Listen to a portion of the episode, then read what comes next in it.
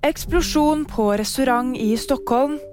Helseministeren vil stanse vikarbruk. Og Kinas befolkning krymper. Det har skjedd en eksplosjon ved en restaurant i Södermalm sentralt i Stockholm natt til tirsdag.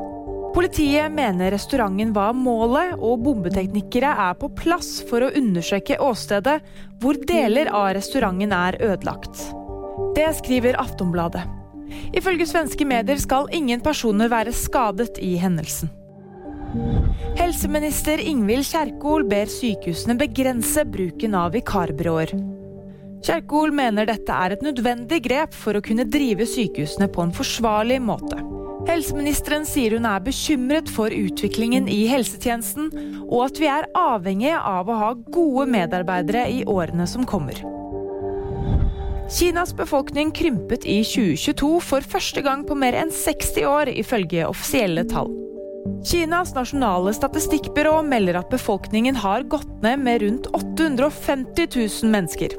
Og dette kan bare være starten. FN-eksperter mener at den kinesiske befolkningen vil krympe med 109 millioner innen 2050.